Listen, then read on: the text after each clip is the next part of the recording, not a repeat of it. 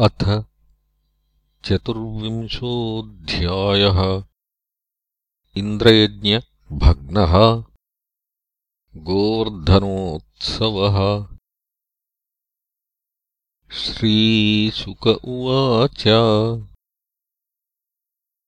भगवानपि तत्रैव बलदेवेन संयुतः अपश्यन्निवसन् गोपानिन्द्रयागकृतोद्यमान्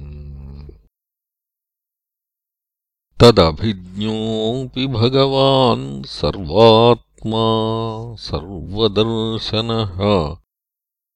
प्रश्रयावनतो पृच्छद्वृद्धान् नन्दपुरोगमान् कथ्यताम् मे पितः कोऽयम् सम्भ्रमो व उपागतः। किम् फलम् कस्य चोद्देशः केन वा साध्यते मखः। एतद्ब्रूहि महान् कामो मह्यम् शुश्रूषवे पितः न हि गोप्यम् हि साधूनाम् कृत्यम् सर्वात्मनामिह। अस्त्यस्वपरदृष्टीनाममित्रोदास्तविद्विषाम्। उदासीनोरिवद्वर्ज्य आत्मवत्सुहृदुच्यते ज्ञात्वा ज्ञात्वा च कर्माणि जनोऽयमनुतिष्ठति विदुषः कर्मसिद्धिः स्यात्। तथा नाविदुषो भवेत्। तत्र तावत्क्रियायोगो भवताम् किम् विचारितः? अथवा लौकिकस् तन्मे पृच्छतः साधु भण्यताम् नन्द उवाच। पर्जन्यो भगवानिन्द्रो मेघास्तस्यात्ममूर्तयः। तेऽभिवर्षन्ति भूतानाम् प्रीणनम् जीवनम् पयः तम् तातवयमन्ये च वार्मुचाम् पतिमीश्वरम् द्रव्यैस्तद्रेतसा सिद्धैर्यजन्ते क्रतुभिर्नराः। तच्छेषेणोपजीवन्ति त्रिवर्गफलहेतवे पुंसाम् पुरुषकाराणाम् पर्जन्यः फलभावनः। य एवम् विसृजेद्धर्मम् पारम्पर्यागतम् नरः। कामाल्लोभाद्भयाद्वेषात् स वै नाप्नोति शोभनम् श्रीशुक उवाच। वचो निशम्यनन्दस्य तथान्येषाम् व्रजौकसाम् इन्द्राय मन्युम् जनयन् पितरम् प्राहकेशवः श्रीभगवानुवाच कर्मणा जायते जन्तुः कर्मणैव विलीयते। सुखम् दुःखम् भयम् क्षेमम् कर्मणैवाभिपद्यते। अस्ति चेदीश्वरः कश्चित् फलरूप्यन्यकर्मणाम्। कर्तारम् भजते सोऽपि न ह्यकर्तुः प्रभुर्हि सः। किमिन्द्रेणेह भूतानाम् स्वस्वकर्मानुवर्तिनाम् अनीशेनान्यथा कर्तुम् स्वभावविहितम् नृणाम्। स्वभावतन्त्रो हि जनः स्वभावमनुवर्तते। स्वभावस्थमिदम् सर्वम्। स देवासुरमानुषम् देहानुच्चावचान् जन्तुः प्राप्योत्सृजति कर्मणा। शत्रुर्मित्रमुदासीनः कर्मैव गुरुरीश्वरः। तस्मात् सम्पूजयेत् कर्म स्वभावस्थः स्वकर्मकृत्। अञ्जसायेन वर्तेत तदेवास्य हि दैवतम्। आजीव्यैकतरम् भावम् यस्त्वन्यमुपजीवति न तस्माद्विन्दते क्षेमम् जारम् नार्यसती यथा। वर्तेत ब्रह्मणा विप्रो राजन्यो रक्षया भुवः। वैश्यस्तु वार्तया जीवेच्छूद्रस्तु द्विजसेवया।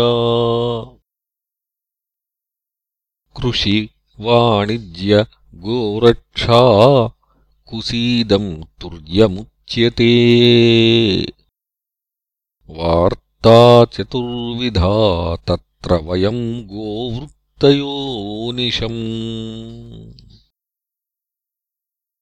सत्त्वम् रजस्तम स्थित्युत्पत्त्यन्तहेतवः रजसोत्पद्यते विश्वमन्योन्यम् विविधम् जगत्। रजसा चोदिता मेघा वर्षन्त्यम्बूनि सर्वतः। प्रजास्तैरेव सिद्ध्यन्ति महेन्द्रः किम् करिष्यति न नः पुरो जनपदा न ग्रामा न गृहा वयम्। नित्यम् वनौकसस्तात वनशैलनिवासिनः। तस्माद्गवाम् ब्राह्मणानामद्रेश्चारभ्यताम् मखः। य इन्द्रयागसम्भारास्तैरयम् साध्यताम् मखः पच्यन्ताम् विविधाः पाकाः सूपान्ताः पायसादयः संयावापूपशष्कुल्यः सर्वदोहश्च गृह्यताम्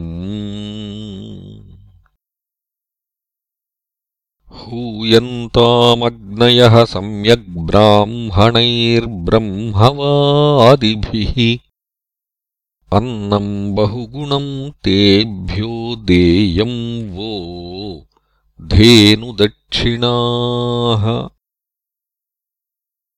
अन्येभ्यश्चाश्वचण्डालपतितेभ्यो यथार्हतः यवसम् च गवाम् दत्त्वा गिरये दीयताम् बलिः स्वलङ्कृता भुक्तवन्तः स्वनुलिप्ताः सुवाससः प्रदक्षिणम् च कुरुत गोविप्रानलपर्वतान्।